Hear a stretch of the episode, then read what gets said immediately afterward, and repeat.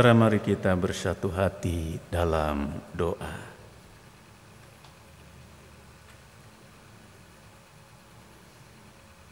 Kami bersyukur ya Allah untuk nafas kehidupan, untuk pemeliharaan Allah, untuk penyertaan Tuhan dalam hidup setiap kami hari demi hari. Kami mensyukuri karya dan kebaikan Allah.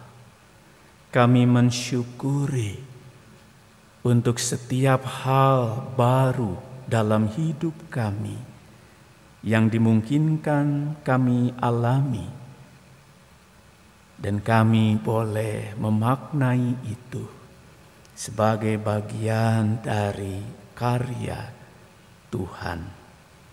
Saat ini kami mau menyiapkan hati kami. Kami mau membuka hati dan pikiran kami. Kami bersiap untuk mendengarkan sabda Tuhan yang akan menuntun dan mengingatkan kami untuk boleh menjalani hidup kami dengan hati-hati, dengan kepastian bahwa Allah yang menuntun dan menyertai kami. Ajari kami untuk melangkah dengan benar, untuk melangkah dalam iman, dalam hidup kami, sehingga kami tidak gegabah atau kami merasa gagah karena seolah-olah kami merasa mampu tanpa Allah biarlah firman Tuhan yang akan mengingatkan kami kembali tentang siapa kami di hadapan Allah. Kami yang lemah dan tak berdaya ini. Oleh karena itu, bukakanlah hati dan pikiran kami, sehingga kami boleh mengerti sabda Tuhan terlebih hambamu yang akan menyampaikannya. Kiranya roh kudus yang menolong dan memberkati hambamu. Inilah doa kami ya Allah. Yang kami nyatakan di dalam nama Tuhan Yesus Kristus, Tuhan dan Juru Selamat kami yang hidup. Amin.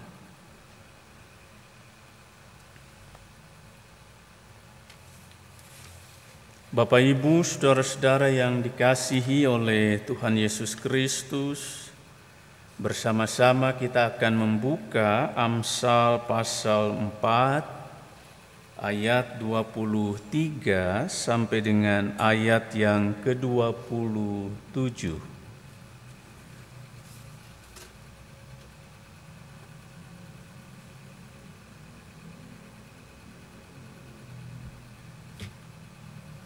Amsal pasal yang keempat ayat 23 sampai dengan ayat yang ke-27.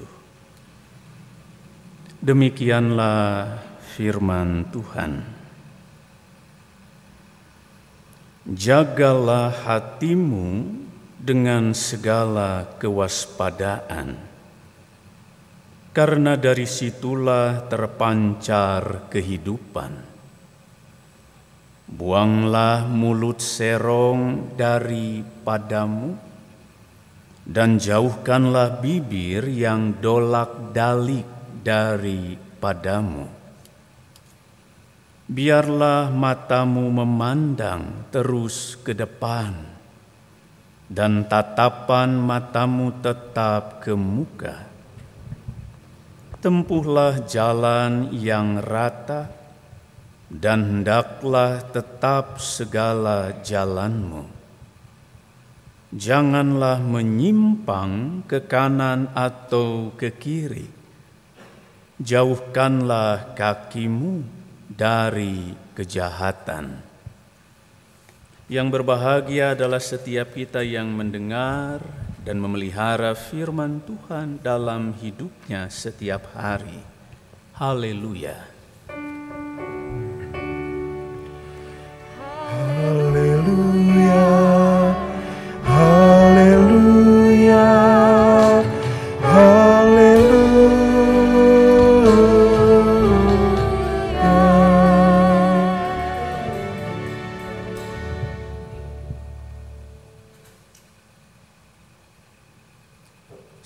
Saudara-saudara yang dikasihi oleh Tuhan Yesus Kristus, ada sebuah ungkapan, dan ini mungkin sering Bapak Ibu dengar. Hirup lir ibarat lengkah, sing ati-ati, sing taliti, tur tarapti nincak ulangan saukur lengkah. Bari komo jeng dudupak rurumpak. Bisi manggih beling nu pastina bakal nyugak. Saudara-saudara kalau di bahasa Indonesia kan secara sederhana istilah tadi, ungkapan tadi menggambarkan bahwa hidup ini seperti langkah. Karena itu harus hati-hati, kita harus teliti.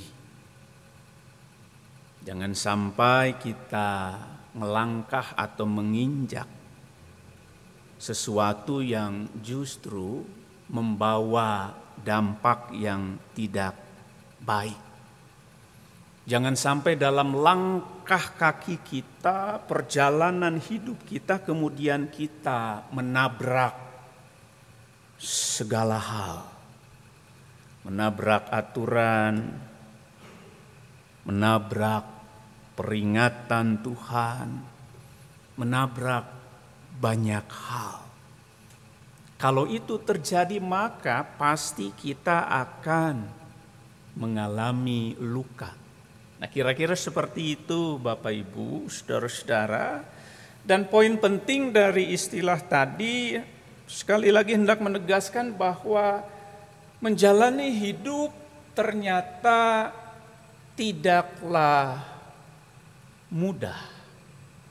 Untuk tetap lurus, untuk tetap benar, untuk tetap hidup sesuai dengan kehendak, kemauan, keinginan, perintah firman Tuhan itu tidaklah mudah. Karena dalam hidup ini ada banyak godaan, ada banyak cobaan, ada banyak tantangan. Yang bisa saja kemudian membelokkan langkah kaki kita. Yang tadinya lempeng, lurus, jadi mengkol. Nah, tentu kalau itu terjadi itu akan sangat berbahaya. Nah, ungkapan lain yang punya makna senada dengan itu mengatakan ulah salah kudu benar.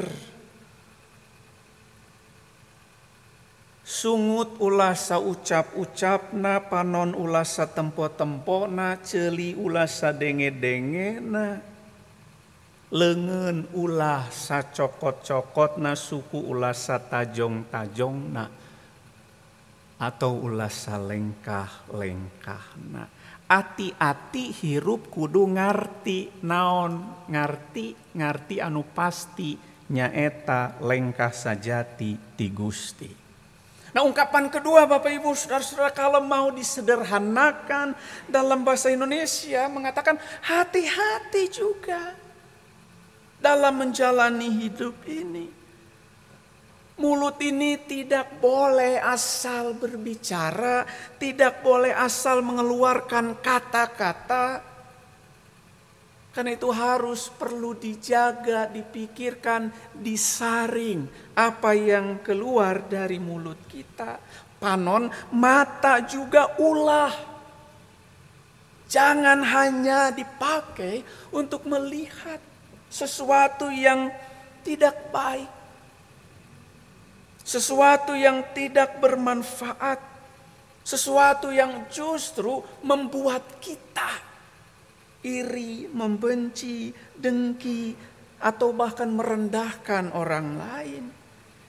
Telinga katanya jangan dipakai untuk mendengar informasi yang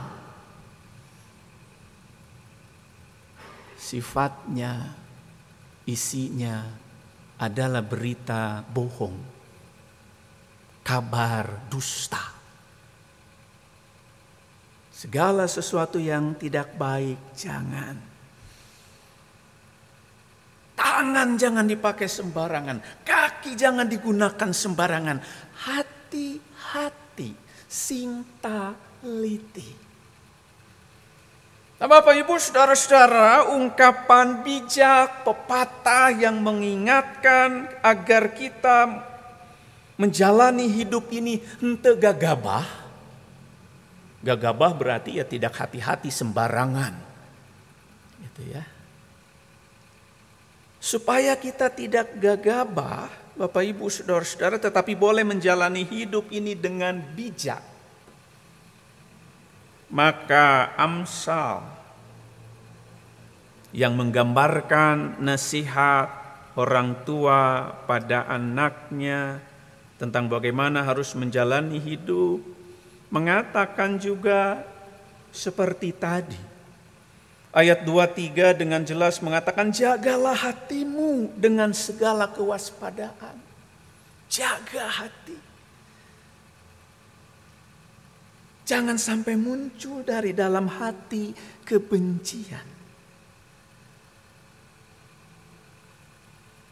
Ayat 24, buanglah mulut serong daripadamu dan jauhkanlah bibir yang dolak dalik daripadamu, bibir yang berubah-ubah.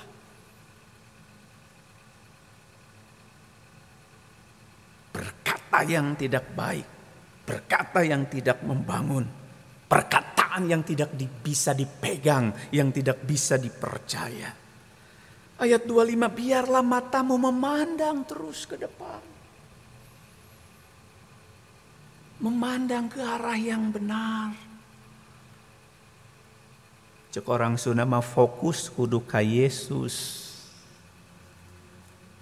Mun fokus ka Yesus najan hirup tentang tumulus tapi ayah Gusti Yesus. Ayat 26, tempuhlah jalan yang rata dan hendaklah tetap segala jalanmu. Ayat 27, janganlah menyimpang ke kanan atau ke kiri, jauhkanlah kakimu dari kejahatan. Nah Bapak Ibu Saudara-saudara, apakah itu semua adalah hal yang mudah untuk kita bisa wujud nyatakan, kita bisa praktikan dalam kehidupan kita. Menjaga hati, menjaga mata kita, menjaga mulut kita, menjaga langkah kita, tangan kita, kaki kita dari kejahatan. Apakah itu mudah? Tentu tidak. Karena itu jangan heran kemudian banyak orang yang gagabah dina hirupna. Sagala didupak. Sagala dibabat. Sagala dirumpak.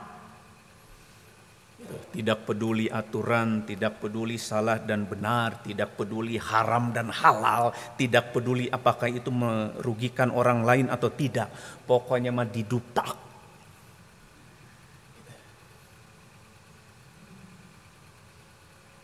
Dan yang lebih parah, biasanya orang yang gagabah ngerasa gagah. Orang sih, batur masian ke orang. Semua orang takut sama saya. Saya bisa ini, bisa itu, mampu ini, mampu itu. Saya mah pang pinterna, pang bisa, na, pang gagah, na, pang alusna. Batur te bisa. Saya mah penting, batur te penting. Saya kudu didenge, batur mah te kudu didenge.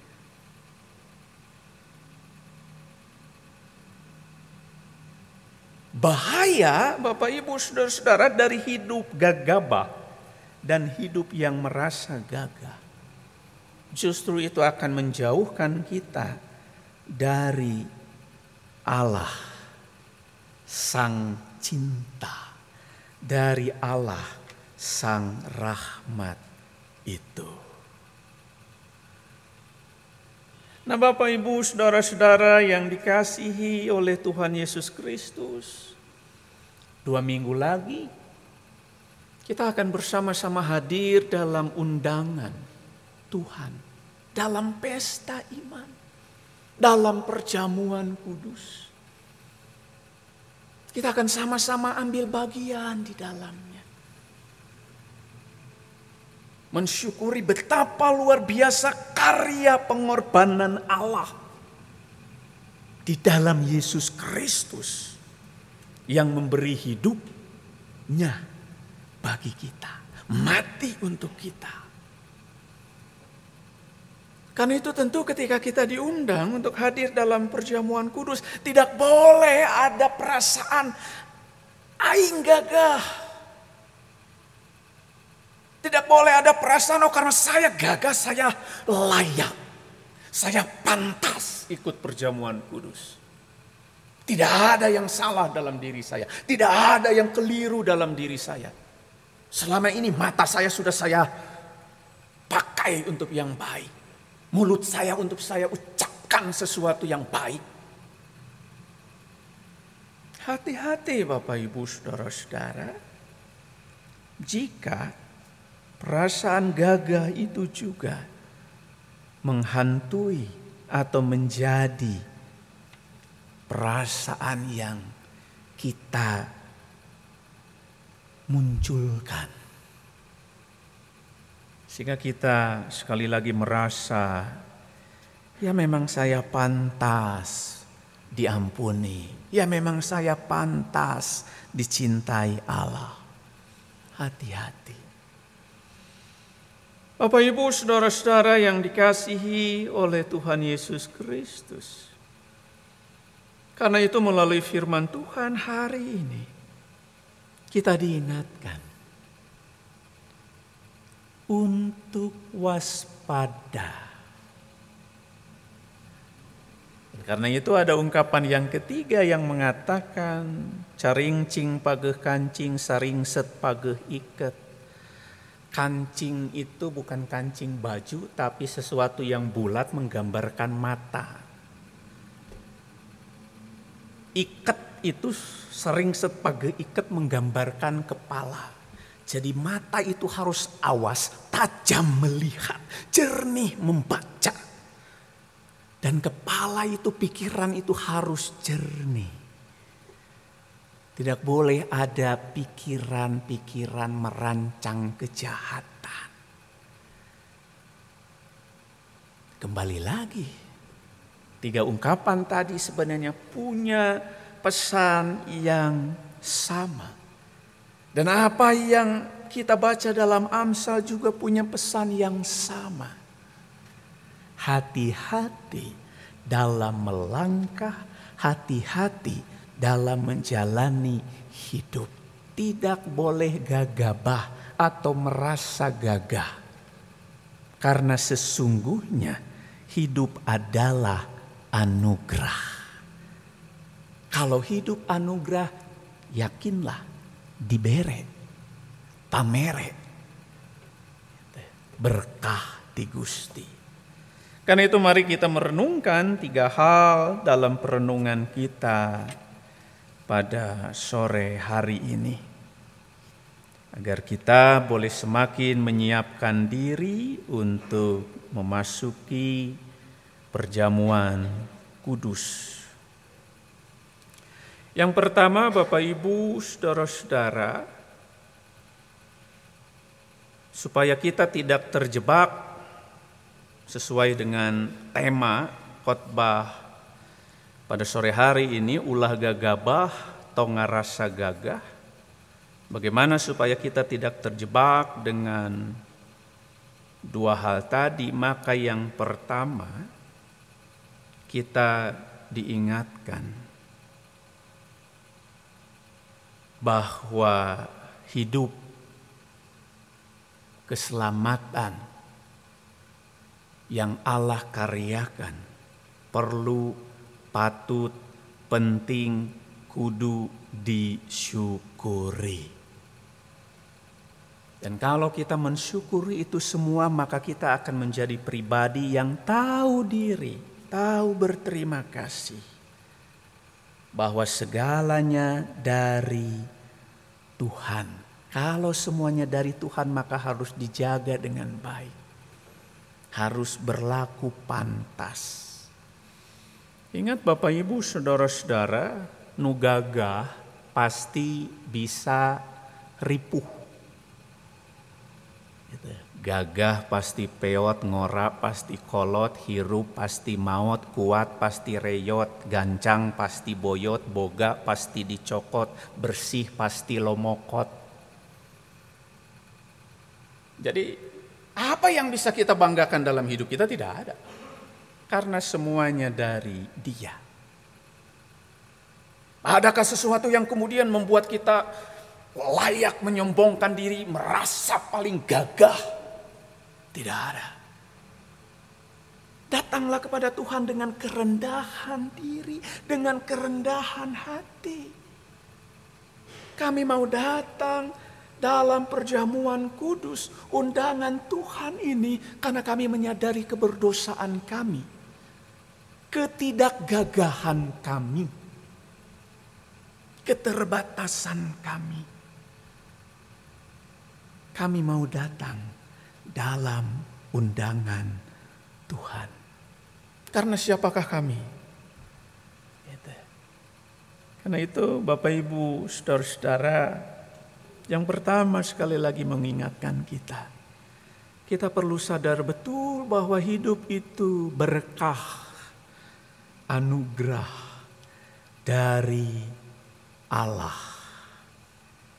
Jadi secara singkat mau dikatakan hirup lain miboga tapi titipan ulah balaga. Nah, bahasa anak mudanya gitu.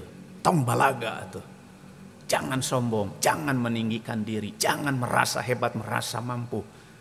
Boga oge dibere gitu. bisa ge dibisakan yang kedua Bapak Ibu saudara-saudara kalau kita memaknai hidup itu adalah berkah maka yang kedua yang perlu kita renungkan dalam persiapan perjamuan kudus ini adalah laku hirup kudu endah. Nyembah ulah pindah. Laku hidup kudu endah artinya laku hidup kita ini harus indah. Laku hidup yang indah pasti tidak gagabah. Laku hidup yang endah, laku hidup yang seturut kehendak Tuhan. Sehingga paca indera tadi gambaran amsal, hati, gitu ya, bibir, mulut, mata, kaki digunakan, dipakai untuk sesuatu yang indah, yang membangun.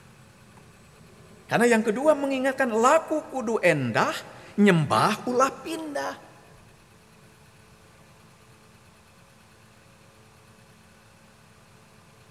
Laku hidup perlu indah dan karena itu nyembah pengabdian kita, bakti kita jangan pindah.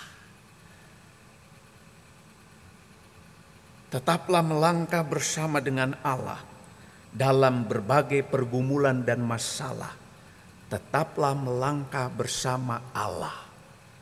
Jangan sampai karena godaan, karena persoalan lalu kita gagabah.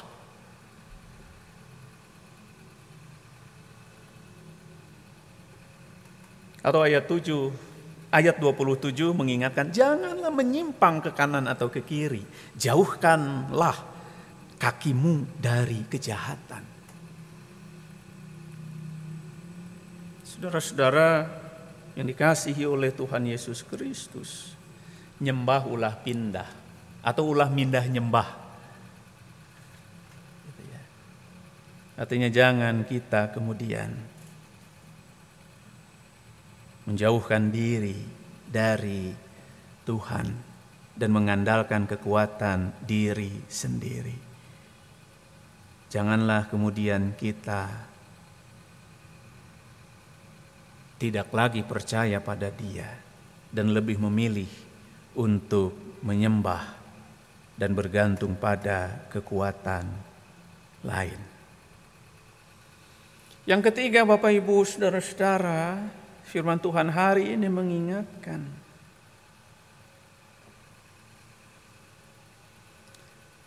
Kalau laku kudu endah, nyembah ulah pindah, maka ibadah kedah nga ubah.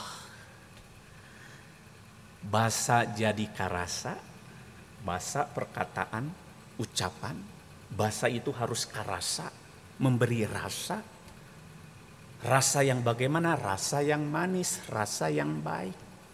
Sehingga perkataan kita jadi berkat bukan nyampah, bukan dolak dalik kalau bahasa Amsal, bukan mulut serong, tapi bahasa kudu karasa.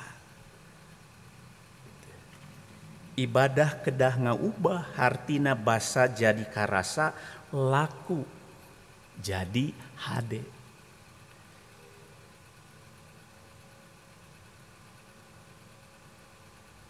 Hade lain pedah gede. Ya. Karena kalau HD-nya karena gede itu jadi gumede. Gumede sama dengan wah, merasa paling gagah. Nah, kalau merasa paling gagah kembali lagi itu tidak tepat. Karena itu Bapak Ibu saudara-saudara yang dikasihi oleh Tuhan Yesus Kristus. Mari kita bersama-sama saat ini mempersiapkan diri kita untuk terus bebenah diri, untuk terus mawas diri, untuk terus hati-hati,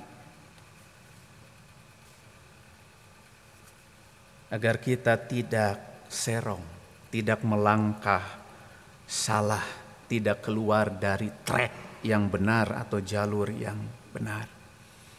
Mari kita terus menyiapkan hati, agar kita kita tidak layak tapi kiranya Allah yang cintanya, rahmatnya begitu luar biasa melayakkan kita untuk boleh sama-sama hadir dalam perjamuan kudus pada minggu tanggal 2 Oktober nanti. Kiranya Bapak Ibu semua tetap sehat, menyiapkan diri, hati, pikiran dengan baik, dan kita boleh bersama-sama menguji diri kita, mengevaluasi diri kita. Apakah selama ini kita sudah melangkah dengan hati-hati, bertindak hati-hati, atau masih gagabah? Apakah kita sudah rendah hati, menyadari keberdosaan kita, atau sebaliknya? Kita merasa paling gagah dan merasa tidak ada yang salah. Nah, kiranya itu semua menjadi refleksi kita, perenungan kita di dalam kita menyambut perjamuan kudus yang akan datang. Firman Tuhan mengingatkan setiap kita. Amin.